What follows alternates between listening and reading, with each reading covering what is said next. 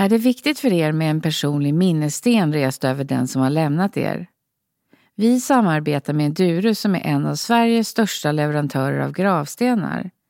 Edurus erbjuder kostnadsfri rådgivning och är bara ett samtal bort när ni har frågor eller behöver hjälp.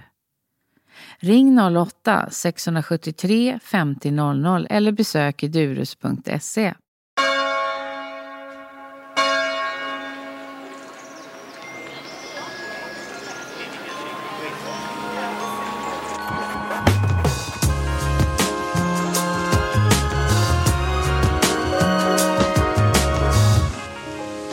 Välkommen till Min död, min begravning. Tora Kirschmeier, formgivare. Tack för att jag får komma hit.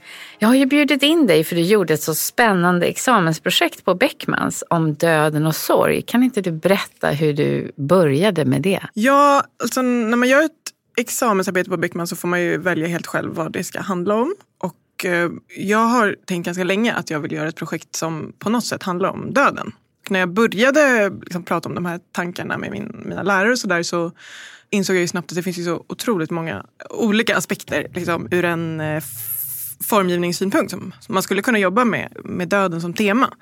Liksom allt ifrån ja, men hur eh, kistor och urnor ser ut till eh, liksom, eh, vård i livets slutskede eller eh, ja, människor som jobbar med döden. Man kan jobba med den som ska dö, man kan jobba med dem runt omkring. Det finns ju så väldigt många olika infallsvinklar på det. Men jag kom ganska snabbt fram till att eh, det jag nog tyckte var mest spännande att ha som tema för examensarbetet var liksom de visuella aspekterna av döden och hur döden tar plats och syns i vardagen. Och jag började tänka mycket på hur det har varit förr i tiden i jämförelse med idag. När jag hade en upplevelse och jag insåg snabbt att väldigt många andra hade samma upplevelse att döden har blivit väldigt osynlig. Mm. Och att det är någonting som inte visuellt manifesteras runt omkring oss längre.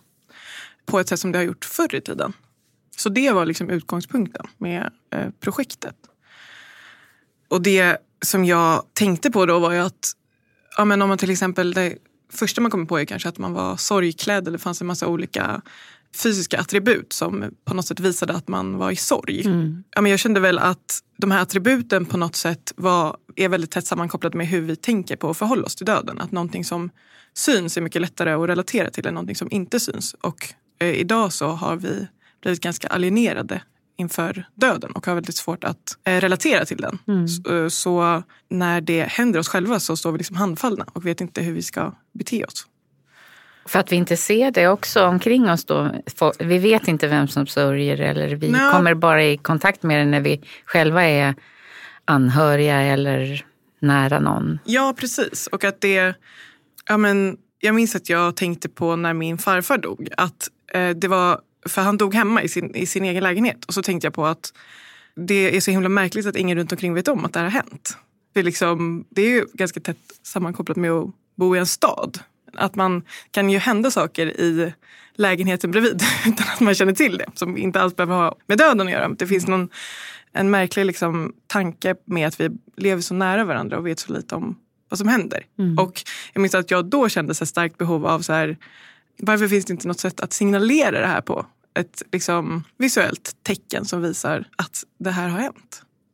Hur gjorde man förr i tiden? Jag tänker, visar man det på huset eller dörren? Ja, precis. Alltså, det, så det var ju en väldigt tidig liksom, startpunkt för mig i, i mitt projekt. Att eh, jag läste att förr i Sverige så fanns det en väldigt spridd sed att när, när någon hade dött på en gård så hängde man upp vita lakan i fönstret på det, i det rummet där den döda kroppen låg. Det var ju väldigt kopplat till att man dog hemma och att kroppen också var kvar hemma fram till begravningen. Men de här lakanen som man hängde upp framför fönstren var ju både ett sätt att liksom förvandla det här rummet till en annan typ av plats och liksom förhöja det ovanför det vardagliga. Men det var också ett sätt att signalera utåt. Så att andra människor i byn eller folk som passerade visste att någon har dött i det här huset. Mm. Så i arbetet så jobbade jag väldigt mycket, och liksom har gjort väldigt mycket historisk research om hur det har varit framförallt i Sverige förr i tiden. Jag började väldigt brett med liksom ja, så här, kulturhistoriskt, eh, olika religioner, olika länder. Olika, liksom, men jag kände ganska snabbt att så här, jag måste skala ner det. Att, eh, att fokusera. Då valde jag att fokusera på på Sverige just också eftersom min utgångspunkt var på något sätt en spaning från det samtida Sverige. Så jag tyckte att det kändes både fint och intressant att liksom blicka bakåt. Hur har det varit här? Då har jag liksom hittat en bok som har varit väldigt viktig i arbetet. Det är en bok som heter När döden gästar. Jag vet inte om du känner till den men det är liksom ett klassiskt folklivshistoriskt verk som är från 30-talet skrivet av en kvinna som heter Louise Hagberg. Och den bygger på olika insamlingar av berättelser som hon har gjort när hon har rest runt i Sverige under 20 och 30-talet och eh, frågat människor om traditioner och seder och bruk kring döden tidigare. I det förindustriella Sverige kan man väl säga. Och det, den här boken är helt fantastisk. Jag kan rekommendera alla att läsa den. För mm. den är så spännande på jättemånga olika sätt. Var det många olikheter i Sverige eller känner du att det var en röd tråd att det låg i tiden att man gjorde på samma sätt? Ja, alltså det som är spännande med det här är ju för att det är från väldigt många olika delar av Sverige. Mm. Och det finns ju väldigt så här, specifika, så här, just i den här lilla byn så gjorde man så här. Och, men det mm. finns ju en massa liknande drag. Mm. Och det som är spännande eh, som också Louise Hagberg skriver i, i förordet till den här boken. Den, den kom i en ny utgåva 2015 så den finns att, att få tag på liksom, i, i nytryck. Men där finns det gamla förordet kvar också. Och det är väldigt spännande för hon har ju en väldigt stark liksom, hon förstår ju att det börjar bli, snart börjar bli för sent att eh, liksom, moderniteten håller på att springa ikapp alla de här traditionerna och att det snart inte kommer finnas några kvar som kommer ihåg hur det har varit. Mm. Alltså, man märker verkligen att hon känner att hon har ett starkt mission. Att så här, nu, det är nu eller aldrig. Som hon skriver så det är väldigt spännande att att tänka på att sånt som har blivit liksom traditioner eller som finns kvar som eh, man tänker inte kanske har så stort värde som är bara sånt där som man gör. Ofta har en väldigt stark tradition bakåt och mm. liksom grundas i väldigt starka liksom, rituella seder och traditioner. Och så på det sättet så märker man ju att det finns ju en röd tråd liksom, som, som påminner om varandra som är kopplade till både liksom en massa praktiska aspekter av att eh, ta hand om kroppar och men också liksom mixat med så här ceremoniellt, liksom väldigt mycket vidskepelse, väldigt mycket religion. Så det hänger ju ihop såklart, alltså mm. över, över landet. Och det som är spännande är att det finns ju också kopplingar till traditioner som finns i andra länder, eller som finns kvar på ett annat sätt i andra kulturer som vi i Sverige har gjort oss av med. Liksom. Vad kan det vara? Ja, men, till exempel eh, inom judisk begravningstradition Eh, så finns det ju, jag kommer inte ihåg namnet på det, men, men det finns ett speciellt sällskap inom judiska församlingar som tar mm. hand om begravningar. Mm. Som direkt eh, kommer hem till familjen där någon har dött. Och, mm. och det finns också en väldigt stark tradition av att alla begravningar alltid är likadana. Mm. Det finns liksom inget personligt eller individuellt i dem utan man lägger väldigt stor vikt vid att det ska vara allmängiltigt. Mm. Där ser man jättemycket likheter med hur det var i Sverige förr i tiden. För att ja, det som slog mig när jag läste eh, den här boken som är väldigt spännande och som såklart är väldigt kopplat till att man bodde i en liksom, mindre bygemenskap mm. var ju att döden var väldigt kollektiv.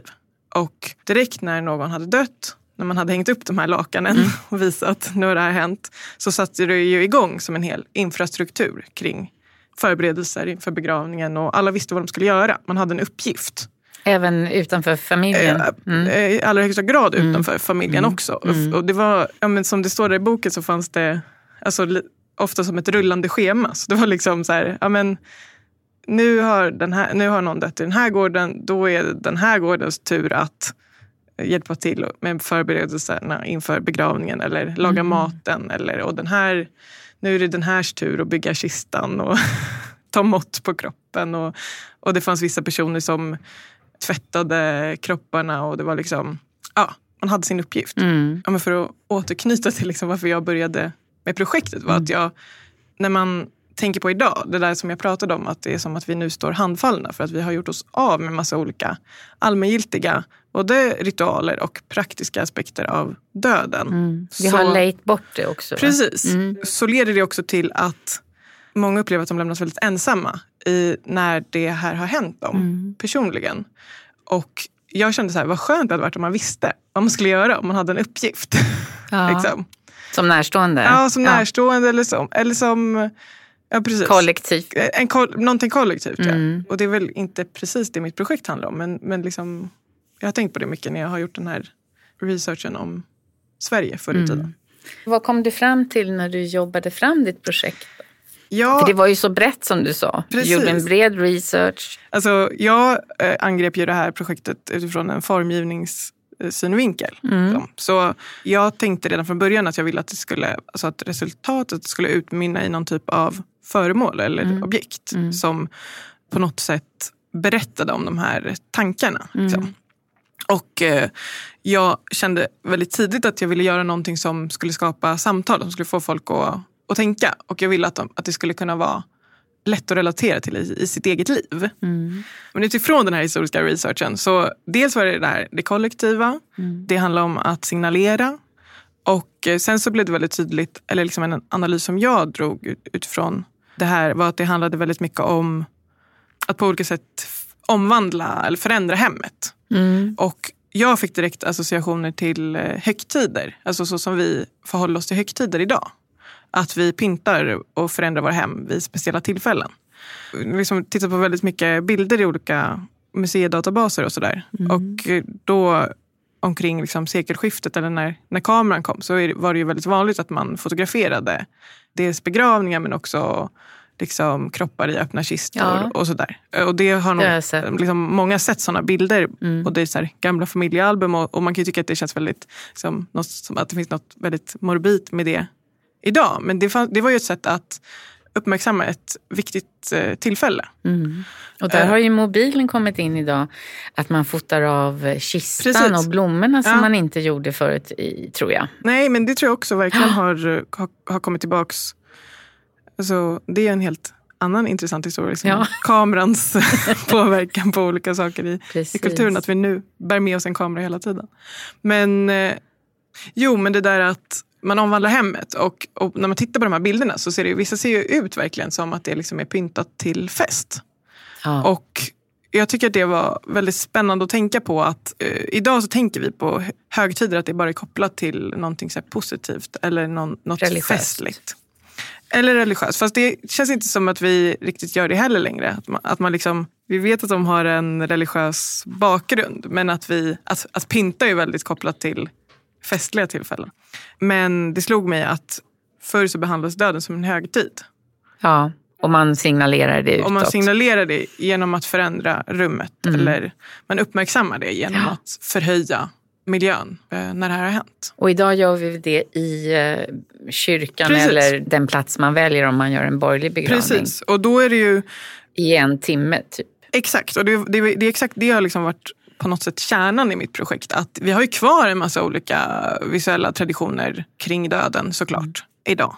Till exempel eh, flaggan på halvstång eller blommor på begravningen eller gravljus eller man tänder, alltså någonting som har gjorts i alla tider som liksom finns kvar än idag är att man tänder ett ljus liksom vid någons dödsbädd. Men alla de här traditionerna som vi har kvar idag är ju väldigt kopplade, precis som du säger, till begravningen som tillfälle eller till liksom kyrkogården eller minneslunden eller liksom som plats. Ja, utanför hemmet. Utanför hemmet. Och i hemmet visar vi inte det på något sätt. Och på kroppen visar vi det inte heller längre på något sätt. Som man gjorde tidigare med sorgkläder och sorgband och sådär. Och men det var väl där jag kom på någonting, eller kände att jag hittade någonting att just det där, kopplingen till hemmet som plats. Och hemmet i relation till sorg och sörjande. Och men, sorgtid har liksom varit ett väldigt viktigt Mm. ord för mig i arbetet. Mm. För att det finns något väldigt tillåtande i att det är en period som får pågå och som kan flyta ut. Mm. Och där det kanske är upp till en själv att bestämma hur lång tid det här ska ta. Ja, för svarta kläder gäller ju inte på samma sätt precis. längre. Alltså man kan ju själv tycka att man är sorgklädd men folk kommer bara tro att man är en designer. Ja, Så det kommer inte Precis. Hjälpa. Liksom. nej. Och sorgbandet används inte. Nej, det var bara i sportsammanhang eh, Ja. finns det kvar. Precis. Och har väl kanske funnits hela tiden men det har, jag, har jag sett lite mer på sista tiden. Mm. Och sen vet jag att det har funnits olika försök med att lansera någon typ av liksom lite så motsvarande Rosa bandet fast för sorg som inte har slagit igenom riktigt. Mm. Och det är liksom om, om sorgtid har varit ett viktigt begrepp så har ju också så symbol varit ett annat väldigt viktigt begrepp för mig i arbetet. Liksom vad, det är väldigt svårt att skapa en ny symbol. eh, För att symbolik bygger ju på något sätt på att det finns en förförståelse för vad den betyder eller vad, vad den innehåller. Mm. så det var ju liksom en stor del av, av mitt, alltså själva formgivningsarbetet. Mm. Hur ska de här föremålen som jag vill ska signalera sorg, hur ska de se ut? Vad ska de ha för slags estetik för att det ska fungera? Mm. Att det ska kunna kommunicera. Mm. Och det var så jag... Det känns som att jag borde berätta hur eh, de här sakerna jag gjort ser ut. Ja, gör det. Klassisk liksom, radio. Ni kan inte se det framför er. En- Vi kan visa på kan, Instagram. Det kan vi visa. Men jag kan också berätta. Mm. Ehm, så det som mitt projekt utmynnade i var att jag gjorde fem eh, olika eh, bruksföremål. eh, som alla är gjorda av textil. Det är en, det är en virkad filt, en rullgardin, en dörrmatta, ett örngott på en kudde och en kökshandduk. Och alla de här föremålen har fått en sorgkant. Objekten i sig är liksom vita eller ljusa och sen så har de en svart kant. Den här sorgkanten hittade jag, jag stötte på den under min research men jag kände faktiskt till den tidigare också. Och eh, det var liksom in på 1900-talet men framförallt liksom kring sekelskiftet och före det så var det väldigt vanligt att när någon hade dött och man skulle meddela andra människor det så skickade man ett brev som var i ett sorgkantat kuvert. Så det är liksom ett vitt kuvert med en svart kant runt omkring. Det här var en allmängiltig symbol som folk kände till och, och man visste att det betydde död. Så när du fick ett sånt här brev så kunde du vara förberedd på att det skulle innehålla ett besked om ett dödsfall. Mm. Och i den där liksom starka visuella identiteten som den här sorgkanten är så hittade jag min symbol som jag liksom Mm. kunde använda mina Mm. föremål. Vi har haft sådana här sorgbrev sparade i familjen från äldre släktingar så jag har sett dem tidigare.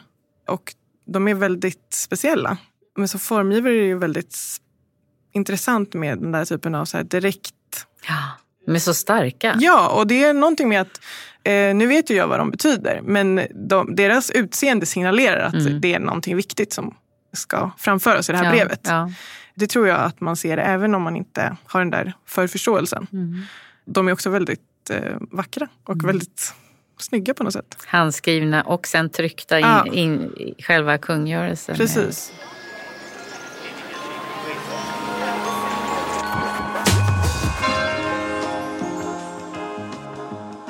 Vi samarbetar med Interflora som har ett helt nytt sortiment med blommor för den vackra och personliga begravningen. Klicka in på interflora.se och sök på begravning så hittar du säsongens blomstrande sortiment, det som är aktuellt just nu. Vill du se årets alla begravningskransar, buketter och dekorationer, besök din lokala Interflora-butik. Där kan du titta i begravningsboken som är full med vackra och inspirerande bilder och få tips och hjälp av en kunnig florist. Så att just det farväl som ni planerar för blir precis så vackert och personligt som ni önskar.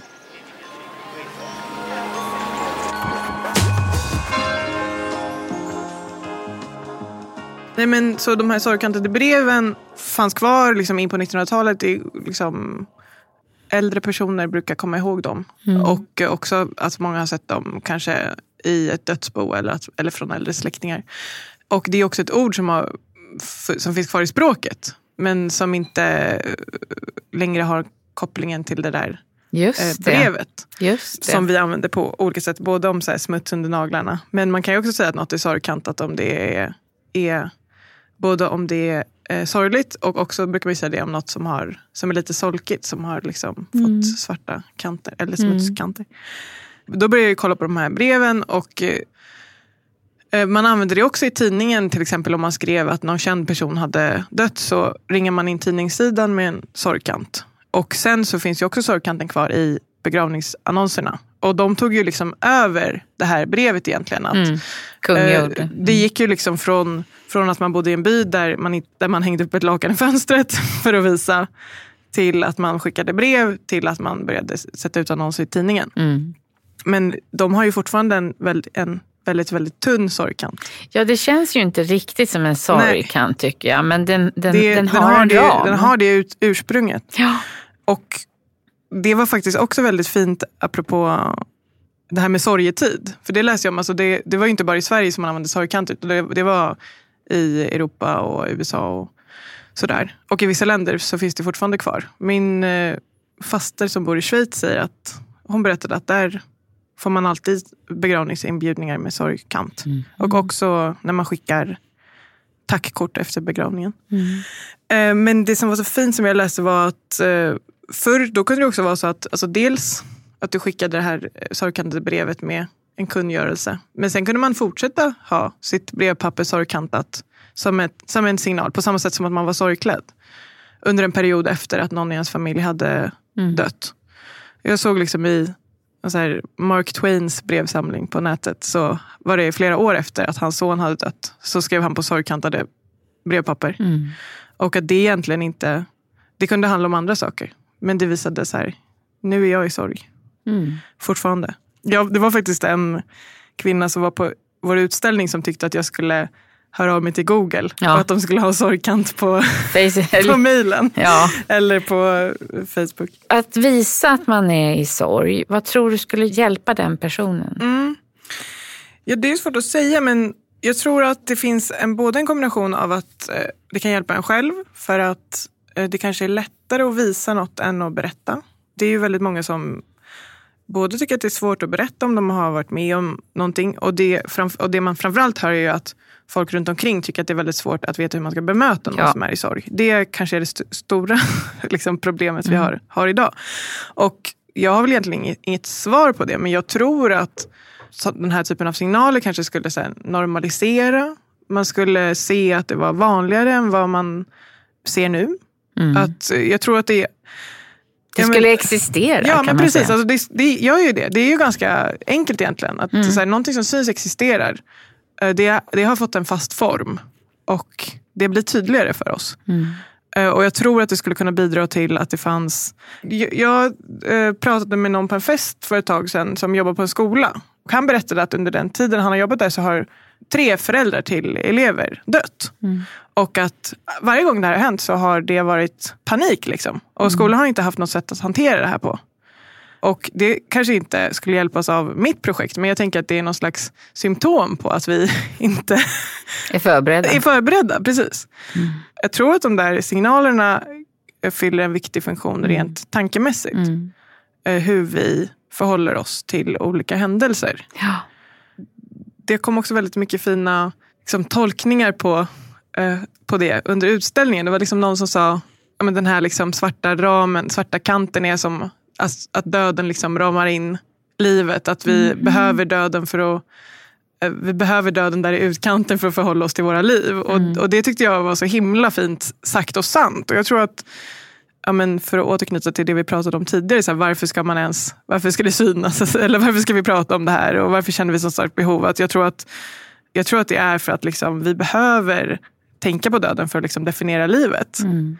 Och det, Absolut. och det är väldigt, det tror jag kanske alla som du har haft som gäster här i den podden skulle liksom hålla med om. Men att, det, att, liksom, att tänka på de här frågorna och jobba med det här, det är ju liksom, egentligen så är det som en slags hyllning till livet. Liksom.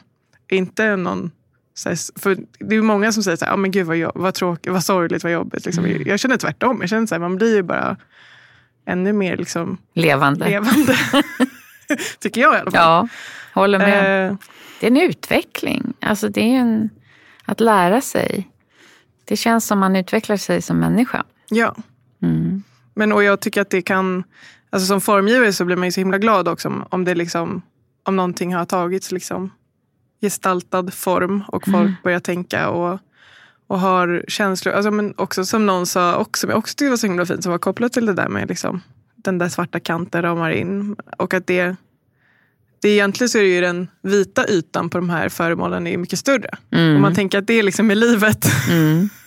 och den här kanten, svarta, runt omkring är mer eller mindre bred. Att det kan ta mer eller mindre plats under vissa perioder i livet också. Mm. Och när jag gjorde mina de här sorgföremålen så har jag ju jobbat också med olika tjocklek på de Just här det.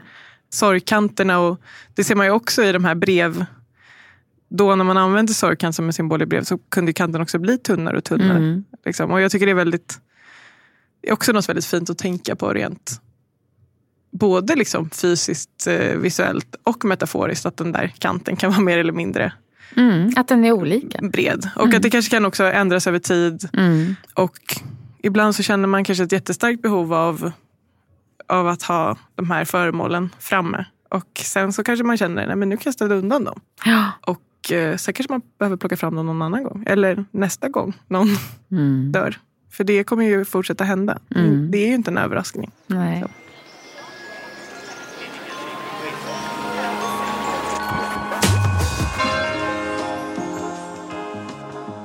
Hur kom det sig att du valde objekt som alla var inomhus, som inte var utåt? Ja, det var nog dels för att jag ville att det skulle liksom förhålla sig till hemmets sfär.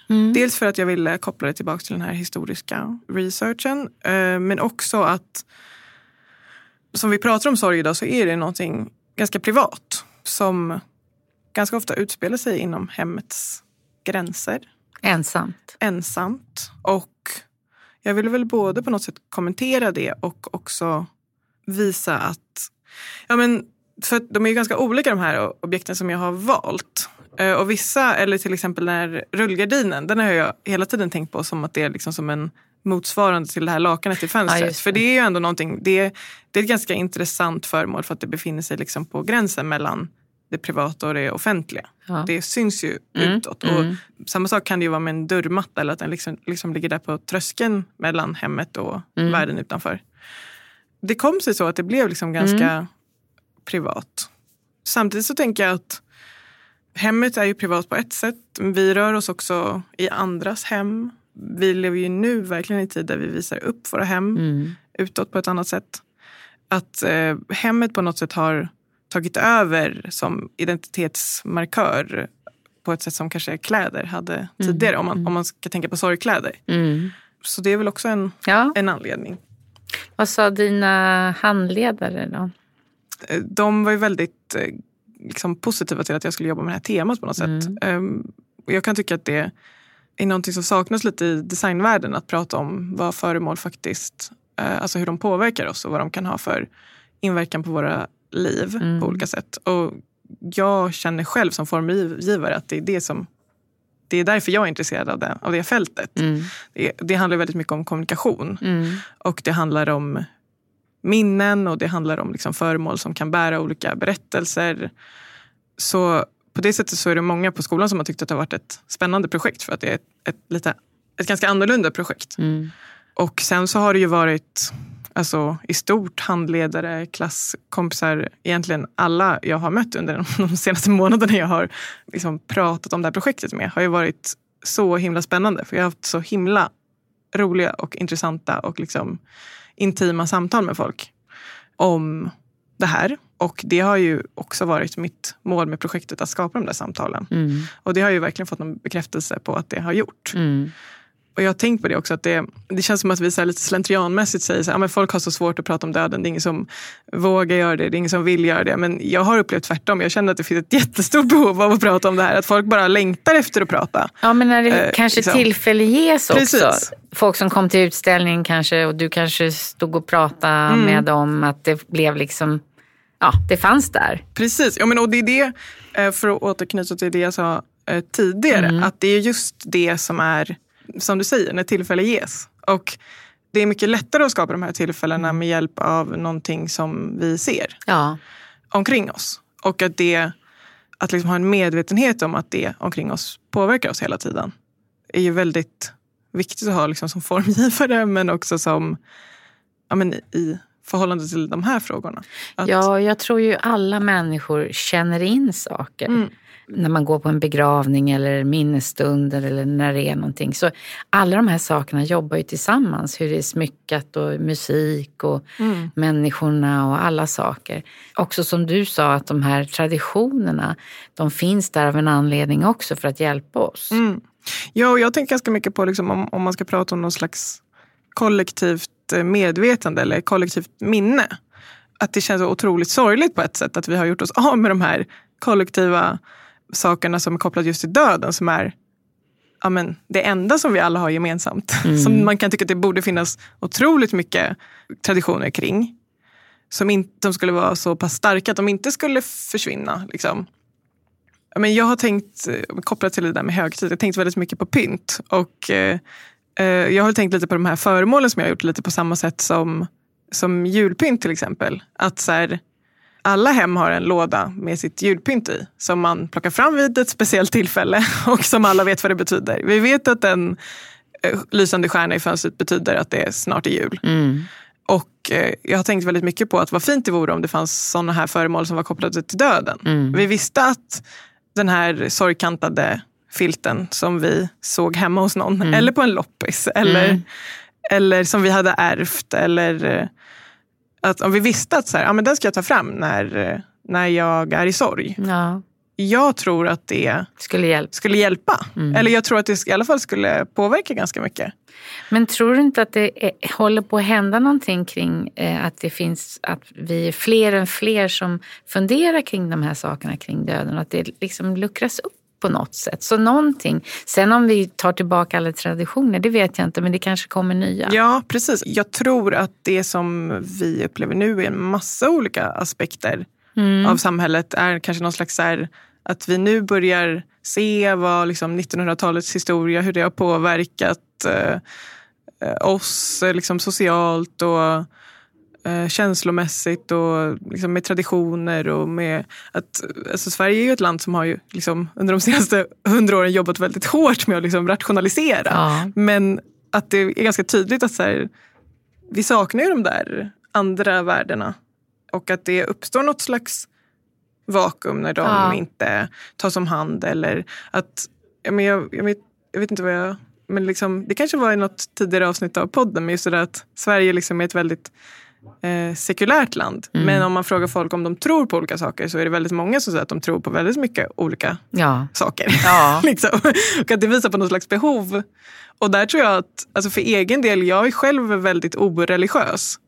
Men jag tror att jag känner en väldigt så här, tröst i att tänka på människor som har levt före mig. Och eh, någon slags det kollektiva i ett så här, minne eller en tradition som Mm. förs vidare. Jag tror också på det där med vakuum, att vi är många som söker och då har vi inte de där... Vi bor, som du säger, vi bor ju inte som vi gjorde då. Nej. i en by där man kände varandra utan vi bor ofta i större samhällen där vi inte kanske känner den personen på andra sidan väggen. Nej, precis. Och sen går det ganska snabbt allting nu och det är mycket teknik eh, som styr. Och sen så pratar vi väldigt mycket om eh, hållbarhet. Det är mycket frågor överhuvudtaget liksom, Mm. som handlar om vår existens, framtida existens. Så då kommer de här frågorna upp. Och det märker jag med alla olika gäster som jag har haft i podden. Det finns så mycket olika infallsvinklar. Det gemensamma är väl att vi alla undrar lite. Ja men precis, det finns något slags, det känns som att det är någonting som saknas. Ja. Eller någonting som, men eh, jag vet att eh, hon har blivit intervjuad av dig, eller att hon har varit gäst i podden tidigare. Men Pia Kristoffersson var en person som jag har haft med mig lite som en mentor i mitt projekt. Ja. Jag träffade henne väldigt tidigt under arbetet, liksom, innan jag egentligen hade bestämt vad jag skulle göra. Men då hade jag just den där, så här, ja, men mycket tankar, mycket frågor. Vi hade, liksom, träffades och hade ett väldigt fint samtal. Och mycket av det som hon sa har jag också verkligen bur- burit med mig. Att det är någonting med vårt behov av ritualer och just det allmängiltiga. Att eh, nu när vi lever i en tid där vi har en mycket större valfrihet kring hur vi vill att vår begravning ska vara och det finns eh, liksom all möjlighet på något sätt att påverka den så ty- tycker jag det som, det som hon sa var så himla fint. Att hon, det hon gör är ju verkligen att liksom bevara ritualen eller, eller liksom upphöja ritualen och, och visa att den har en väldigt viktig funktion. Mm. Liksom känslomässigt och socialt och praktiskt och allt möjligt. Att, det, att vi behöver de där sakerna att hålla i handen. Mm. Det har jag också tänkt mycket på. att Jag tror det är väldigt viktigt att det inte ska vara individanpassat. För jag tror att vi, vi är tillräckligt intelligenta för att fylla det där allmängiltiga med våra egna tankar och minnen ändå. Mm. Att det behöver inte alltid vara så anpassat. Ja, där har vi lite olika funderingar om det ska vara eh, jag tycker det är viktigt att man skulle känna igen den personen som eh, begravs på något sätt. Att det finns liksom en, att det stämmer någonstans. Ja, I det verkligen Känslan eller visuellt eller mm, mus, musik eller vad det nu än är. Det är viktigt för mig, men det behöver ju inte vara viktigt Mm. Nej, för alla. men, och det där håller jag verkligen med dig om. Det är väl just det också att Precis, man skulle önska att, de, att, att, de flesta, att alla sa hur de själva ville ha det. Ja, Liksom. Det hade varit allra bäst. Ja, precis. Ja, men det... Om man pratar om, om begravningar. Just. Ja. Men det måste ju ha varit skönt då att kunna prata med Pia som är erfaren inom Verkligen. det. Mm. Det var väldigt, eh, både väldigt kul och intressant Mm. och eh, viktigt. Också för att få någon slags bekräftelse på att det, liksom jag, det jag tänkte göra, liksom de tankarna jag hade, att det fanns någon grund i det. Mm. Eh, Hon hjälpte mig verkligen liksom att hitta något spår.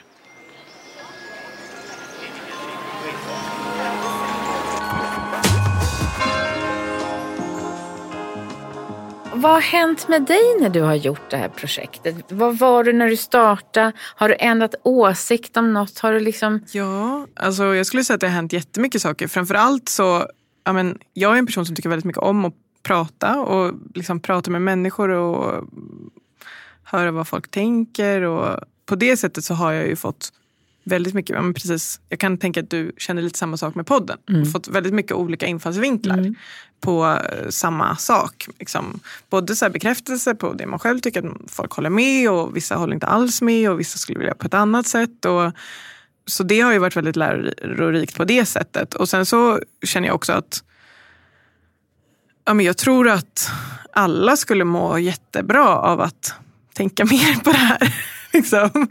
Känner- Varför då? Nej men att, det har jag verkligen En kunskap man behöver? Ja, men en kunskap man behöver för att det finns så himla mycket, alltså jag tänker så här, rädsla skapas av okunskap, att man inte eh, man hittar på saker som man bara, alltså det är lättare att liksom föreställa sig någonting jättehemskt än liksom ta reda på hur någonting faktiskt går till. Eller, Jag tror bara att så här, umgås med de här tankarna, vad i den här den världen liksom, tycker jag gör det lättare att förbereda sig på att man själv och alla man känner ska dö. ja. Liksom. Så en mognad? Ja men kanske och samtidigt så tror jag jag tror att jag hade det, alltså jag tror inte att jag hade gjort ett sånt här typ av projekt kanske om jag inte redan hade tänkt på det ganska mycket innan. Mm. Och eh, jag tror inte heller att kanske lärare hade uppmanat vem som helst att göra ett, alltså jag tror att det, min handledare kände att det fanns en, liksom, att jag hade redan befunnit mig i de, i de där tankarna liksom, innan. Jo men eh, jag tror lite som jag sa tidigare att så här, det var kanske lite överraskande att det har varit så pass lätt att få folk att berätta och prata. Det, är inte, det har inte känts som att det har suttit så där lång, jättelångt inne hos folk. Det har varit väldigt fint att se att det har skapat liksom, känslor och tankar hos, hos folk runt omkring liksom, som har kommit i kontakt med, med projektet. Mm. Och sen så har jag ju, alltså rent så här, jag är ju verkligen historienörd. Liksom. Så det har ju varit väldigt bara, alltså, jättekul att läsa på så mycket om förr i tiden på det här sättet. Eh, där har jag ju lärt mig massa grejer som jag inte hade någon aning om. Mm. Som både så här, förklarar saker och ja, men jag tycker allting som gör det på något sätt lättare att föreställa sig hur någonting har varit tycker jag är väldigt be- berikande. Mm. Men kommer du att fortsätta att jobba med samma tema eller är det formgivningen i sig som är viktig? Eller, alltså, Det hör ju ihop alltid tänker jag. Men jag är liksom, innan jag började på Beckman så har jag jobbat väldigt mycket inom teatervärlden. mm. Det som jag alltid tyckt är så kul med det är att man får, att man får bli, sätta sig in i nya ämnen hela tiden. Att så här, då gör man en föreställning om någon, någonting som man inte hade någon aning om och så blir man plötsligt jätteinsatt i det. Eller oj, den estetiken. Eller, och alla de där sakerna fortsätter man ju bära med sig. Eh, Så att jag tror absolut att jag kommer fortsätta att jobba med det här ämnet för att jag själv tycker att det är väldigt spännande Mm. på alla sätt och viktigt. Och samtidigt så är ju också varje projekt på något sätt kopplat till det som det handlar om. Ja. alltså utifrån formgivningsaspekt. Så Ja. det väl både ja, ja och nej. Ja. Jag tror inte att jag kommer slä, äh, släppa det. Och det är också, men på ett personligt plan så är jag bara väldigt glad att jag, att jag har gjort det. För, alltså, det tror jag jag kommer liksom bära med mig hela livet. För Mm. att, ja, framförallt alla samtal jag har haft. Ja. Men vad kan design göra för begravning och döden och sorgen tycker du? Ja, vad saknar du?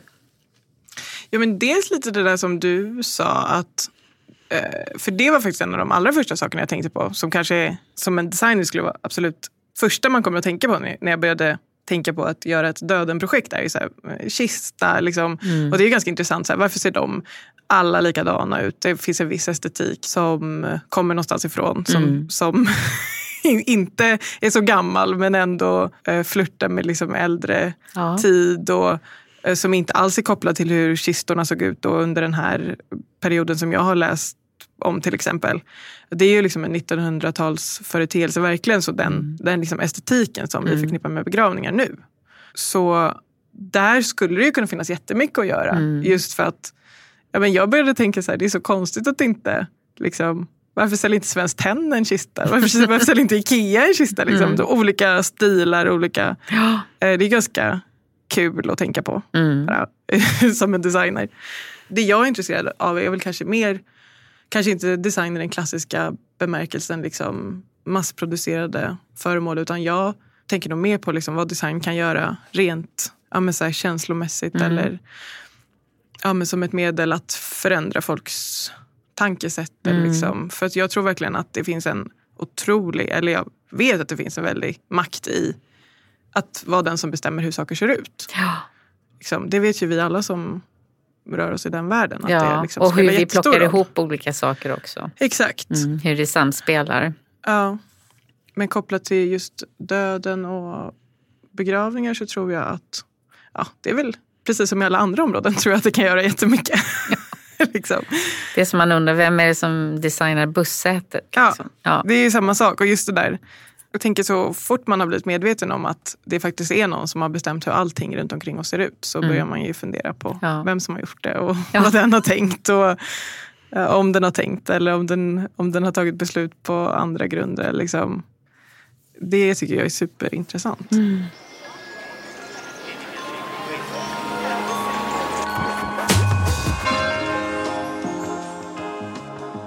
Men har du funderat på din egen begravning då?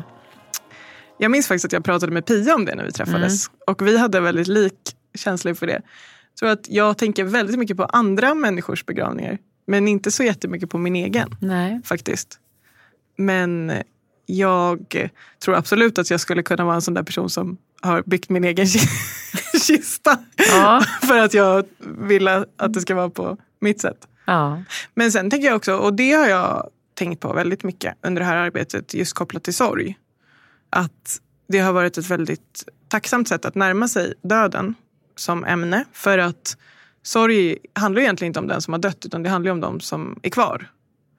Och på det sättet så tänker jag också att begravningen handlar ju också mer om de som är kvar än om den som har dött. Så jag skulle nog säga att jag skulle tycka det var viktigt att de som skulle gå på min begravning skulle tycka att det kändes bra. ja, som vi pratade Liksom. om innan. Ja. Eh, det skulle vara viktigare för mig. Att de skulle känna igen. Att, ja, men att de skulle känna igen sig men att de också skulle känna sig liksom bekväma. Eller trygga. Mm. Samtidigt så tycker jag så här, jag tycker att begravningar ska vara sorgliga. Jag Ja. hade inte velat ha en... Alltså, för det tycker jag alltid slår en om man är på en begravning. Att det är väldigt sorgligt och sen så är det jättetrevligt. För att man träffar en massa personer som... Mm. eh, Men många är väldigt rädda för att det ska vara för sorgligt. Men det, har ju en, det har, finns ju en anledning. ja, jag vill ha en sorglig begravning. Ja. ja. Men du har tiden framför dig att fundera det på får vi frågan. verkligen- Det får vi verkligen hoppas. Men tack så mycket för att du kom hit och berättade om ditt spännande projekt. Tack så mycket. Tack. Följ oss på Instagram, min dod min begravning podcast. Om du undrar någonting eller vill veta mer så hör av dig på info at mindodminbegravning.se.